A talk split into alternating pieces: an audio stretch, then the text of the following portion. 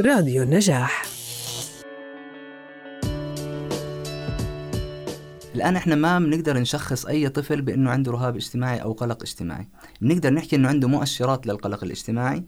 بنقدر نحكي أنه في اضطرابات مشابهة وقريبة من القلق الاجتماعي عند الأطفال بتظهر مثل مثل شيء بنسميه اللي هو ال selective mutism أو البكم الانتقائي بيظهر عند الأطفال بعمر صغير. بعض الدراسات بتحكي إنه بيظهر بعمر صغير بعمر خمس أو ست سنوات الرهاب الاجتماعي لكن يعني في خلاف خلاف على على الموضوع. بشكل رئيسي الاضطراب يشخص بعمر المراهقة وبعمر 18 سنة وفوق. بعمر المراهقة يمكن أن يشخص الاضطراب إذا كان مؤثر على الحياة بشكل آه واضح. آه لكن أقل من المراهقة أقل من عمر 15 أو 16 سنة يعني ما في دراسات قوية على أنه تثبت هذا هذا التشخيص. أما كمؤشرات في مؤشرات قريبة يعني ممكن بتقول إنه هذا الشخص راح يصير عنده رهاب اجتماعي إذا ما تعالجت المشكلة باكرا. آه، في حال إنها تعالجت المشكلة باكرا وبلشوا الاهل يشتغلوا عليها بطريقة صحيحة لا هو يعني بيتعالج وما بيوصل ما بيتشخص بهذا الاضطراب في المستقبل. اللي ضروري نحكيه إنه كيف بيتأسس وكيف بينشأ هذا الاضطراب. قبل ما نحكي شو دور الأهل بالعلاج لما نيجي نحكي كيف بينشأ هذا الاضطراب فهو بينشأ بشكل رئيسي من التنشئة الاجتماعية.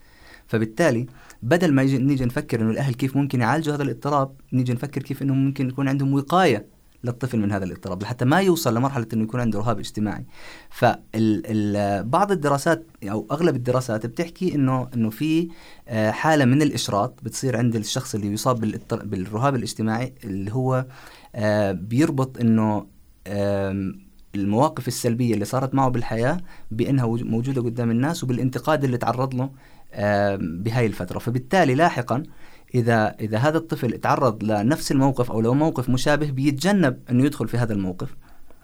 والتجنب هو أساس القلق بشكل عام والقلق الاجتماعي بشكل خاص. فبيتجنب إنه يدخل في هذا المواقف وبالتالي بيتطور عنده الرهاب الاجتماعي. فالأهل دورهم دورهم معزز. يعني إما بيعززوا فكرة الاضطراب بالتالي إنه بيصيروا يحكوا لابنهم لا تطلع قدام الناس خلص لا تشرب لا تاكل قدام الناس لا تعمل لا تحكي آه، لا تأتئ لا كذا. بالتالي هذول الأهل بيعززوا فكرة الاضطراب عند ابنهم أو بيكون دورهم داعم لهذا الطفل. بالتالي إنهم بيتقبلوا وبيحتووا قدام الناس. ولو شو ما كانت عنده مشكلة ممكن تكون عنده مشكلة تأتأة مثلا ظهرت بالطفولة وهذه يعني خلينا نحكي شائعة عند الأطفال. مشاكل التأتأة أو خلينا نحكي الخطأ في الحروف مثل إنه ما ما بيلفظ جميع الحروف بشكل صحيح. فإما إنه بيتعرض ل خلينا نسميها بهدلة بين قوسين آه، قدام الناس فبالتالي ببطل يحكي قدام الناس لاحقا أو إنه بيتعزز وبيتقبلوا الأهل وبياخذوا الموضوع على نحو إنه هاي مرحلة تعلم ومرحلة طبيعية. آه، فدور الأهل كثير مهم وأساسي إما في تنشئة الاضطراب أو في الوقاية من الاضطراب. أكثر من معالجة الاضطراب. معالجة الاضطراب هي مرحلة لاحقة. صار عندنا الاضطراب شو بدنا نتعامل معه؟ لحتى نعالج هذا الاضطراب عند الطفل أو عند الإنسان آسف. آه لكن الأفضل إذا بدنا نيجي نشتغل صح نشتغل على الوقاية. ممكن تكون ظهرت عندي بعض الأعراض أنا بدي أتعلم كيف إني أتقبل ابني وكيف إني أس أجبر المجتمع على إنه يتقبل ابني إما إنه بتتقبلني أنا وياه وتتقبله كما هو أو ما بدي أكون معك. يعني بكل بساطة هيك هيك بيتعاملوا الأهل اللي بدهم يدعموا ابنهم بهاي المرحلة. مثل الأطفال اللي بتظهر عندهم مشاكل التبول اللا ارادي أو التبول الليلي. هذول الأطفال بصير عندهم خجل اجتماعي برضه وبتظهر عندهم أعراض الخجل أو الرهاب الاجتماعي لاحقا لأنه بمرحلة الطفولة كانوا بيتعرضوا للسخرية من الناس فبالتالي بيتجنبوا التواجد في في المواقف الاجتماعية لحتى ما يتعرضوا للسخرية قدام الناس. وحتى في يعني نسبة كبيرة منهم ما بدنا نحكي الأغلبية أو لا بس في رقم مش بسيط منهم كانوا الأهل هم اللي بيسخروا من ابنهم. وبيطلقوا عليه مسميات وبيعطوا آه خلينا نسميها ألقاب معينة مرتبطة بهذا الشيء بالتالي بتسبب له نوع من الخجل قدام الناس لاحقا بيتطور لرهاب اجتماعي. بعض هذول الأطفال آه ويعني خلينا نحكي إنه كل الأطفال أو النسبة العظمى من الأطفال تعرضوا لمواقف في المدارس. مرة ومرتين وثلاث. في في طفل رجع عاد الموقف مرة وثانية وثالثة ورابعه عليه لأنه الأهل دعموه وعززوه وقالوا له ما في مشكلة كلياتنا بنغلط وكلياتنا بتصير معنا هاي المواقف وأنت ما عملت شيء بالعكس أنت عم تتعلم. وفي أهل بيحبطوا ابنهم وبيطلبوا منه إنه خلص ما تحكي بلاش تفضحنا بلاش تعزر علينا المصطلحات اللي آه، متداولة عندنا ودارجة بشكل عام في هذا الإطار. فبالتالي الطفل بيصير محتار هل أنا, أنا يعني أروح أشارك زي ما بيحكوا لي الناس ولا أبطل أشارك عشان أهلي ما بدهم ياني أشارك. فبصفي دور الأهل الآن هو دور الدعم. كيف الأم أو الأب بدهم يعملوا هذا الدعم؟ كيف بدهم يوفروا هذا الدعم والسبورت خلينا نسميه بشكل مباشر للطفل لحتى ما يدخل في هاي المشكلة؟ في شيء بنسميه الرابطة بين الأم والطفل أو خلينا نسميها عشان نكون دقيقين أكثر هي الرابطة بين مقدم الرعاية وبين الطفل. ممكن تكون مقدم الرعاية أم ممكن تكون الجدة ممكن تكون آه، مثلا في دار أيتام تكون اللي هي المسؤولة عن عن الطفل في دار الأيتام. فبالتالي هذا هي الرابطة وجدوا أنه إلها يعني بالدراسات وجدوا أنه إلها أثر كثير كبير في تنمية الدماغ حتى. يعني خلايا الدماغ بتتنمى بفعل هاي الرابطة بين الأم والطفل أو بين مقدم الرعاية والطفل. فكل ما كانت العلاقة حميمة أكثر وصحية أكثر ما فيها تعلق زائد وما فيها بعد زائد عن الطفل بالتالي هذا الشيء بتسمح للطفل بأنه ينمو في بيئة آمنة وبالتالي بتسمح له بأنه يطور مهاراته شوي شوي وفي بيئة آه، مناسبة لقدراته. لنحكي.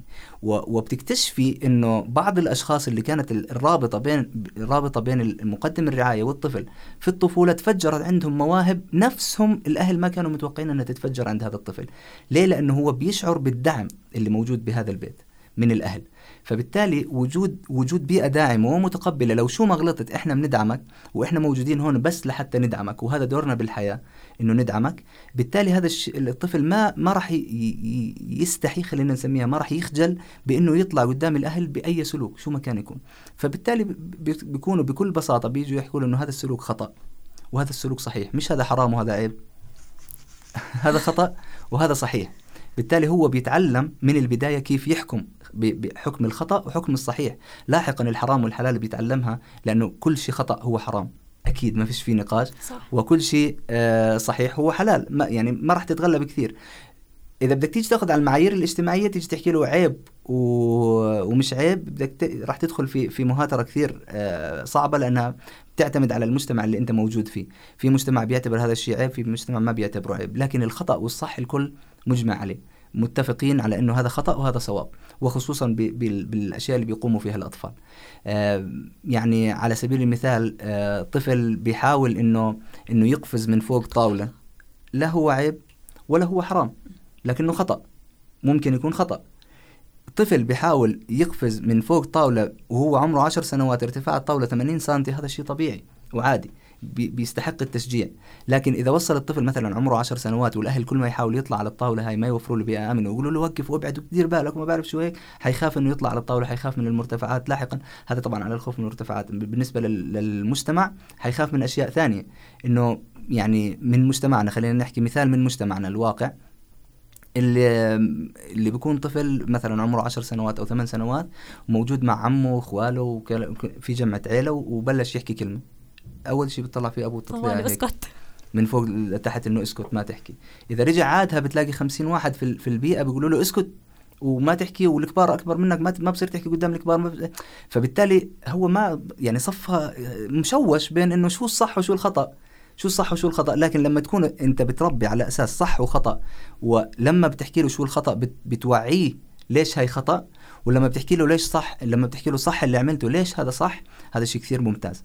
بالمقابل مثلا آه على النقيض تماما اللي هو موضوع المدح والإطراء خلينا نسميه. يمكن هذا الموضوع محتاج ل يمكن الحلقة لحاله موضوع المدح والإطراء لكن خلينا نيجي بكل بساطة لما أهل بيضلوا يحكوا لابنهم أنت بطل أنت شجاع أنت ممتاز أنت جيد. طب بإيش؟ بزرع في هذا الفكر طبعا أكيد. بإيش؟ أنا جيد بإيش؟ بتزرع فيه فكر إنه أنت تشوف حالك. هو بالضبط زي النقد المبالغ فيه. بتوصل للغرور لأنه أنت بتمدح السلوك ما بتمدح الطفل ما بتمدح الإنسان. أنت لما بتيجي تحكي له أنت بطل لأنك عملت واحد اثنين ثلاث هاي ما بيعملوها إلا الأبطال. okay؟ فأنت عرفته ليش ليش أنت حكيت له بطل. بالتالي هذا السلوك أنت عززته حيعيده مرة ثانية وثالثة ورابعة. لكن لما تيجي تحكي له إنه أنت ممتاز وهو جايب 50 بالمدرسة ولا 70 شو ممتاز؟ على شو أنا ممتاز؟ يعني أنا ماما بتحكي لي إنه أنت أذكى واحد في العالم. طبعا هاي إحنا كأخصائيين نفسيين بنتعرض لها دائما بتيجي الأم بتحكي لك إنه أنا ابني أذكى طفل في العالم مجرد إنك. يعني تجلس مع الطفل بتكتشف إنه عنده إعاقة عقلية حتى مرات في بعض الأحيان. ليه؟ لأنه لأنه هي بتكون ما عندها تقبل لذاتها وما عندها تقبل لابنها فبالتالي بتزرع في فكرة إنه أنت أحسن من كل الناس. وبعدين هات زي ما بيحكوا هات رجع يعني شو آه، نتيجة الخطأ هذا اللي ارتكبتيه. بكل بساطة أنت محتاج لما بتيجي تحكي صح وخطأ تحكي ليش صح وليش خطأ؟ ولما بتيجي بتحكي إنه أنت بتمدح ابنك لازم تحكي له ليش أنت مدحته وليش أنت آه، انتقدت بهذا الشيء؟ أنت ما انتقدته هو شخصيا أنت انتقدت سلوكه بالتالي هو بصير واعي لأنه أنا هو ما انتقدني أنا شخصيا انتقد هذا السلوك بس بس انتقد فيه سلوك معين. سلوك إنه مثلا أنا شلحت بلوزتي بالشارع على سبيل المثال. هو انتقده ليه؟ لأنه هذا بالمعيار الاجتماعي خاطئ. ما بصير أنا أعمل هذا الشيء برا البيت. بقدر أعمله جوا البيت بغرفتي وأنا لحالي. تمام؟ فبالتالي لما أنت بتيجي تحكي إنه أنت خطأ اللي عملته وأنا مش عاجبني اللي أنت قمت فيه بالتالي هو ما راح يزعل كثير. زي لما تيجي تحكي له أنت سا... أنت سيء أنت فاشل أنت فاضحني بين الناس. شوف كيف الفرق بين الانتقاد المطلق والانتقاد المحدد بسبب بالتالي نفس الشيء. يعني بالتوازي مع هاي النقطة المدح المطلق والإطراء اللي مرتبط بسبب معين بنمي عند الطفل برضه يعني خلينا نسميه النمو الاجتماعي السليم. بالإضافة للرابطة إذا بدنا نرجع نحكي على موضوع الرابطة زي ما حكينا أنها بتعزز النمو النفسي وبتعزز النمو العصبي عند عند الطفل. في بيئة متقبلة في بيئة داعمة في بيئة آه، بيقدر يطلع فيها كل مواهبه في بيئة بتحكي له صح وخطأ ما بتحكي له عيب وحرام. فبالتالي هذا هذا الشيء بنمي عنده خلينا نحكي العلاقات الاجتماعية أو الجانب الاجتماعي. وبيطلع إنسان اجتماعي ممكن يكون اجتماعي جدا بس على الأقل ما بيطلع عنده رهاب اجتماعي.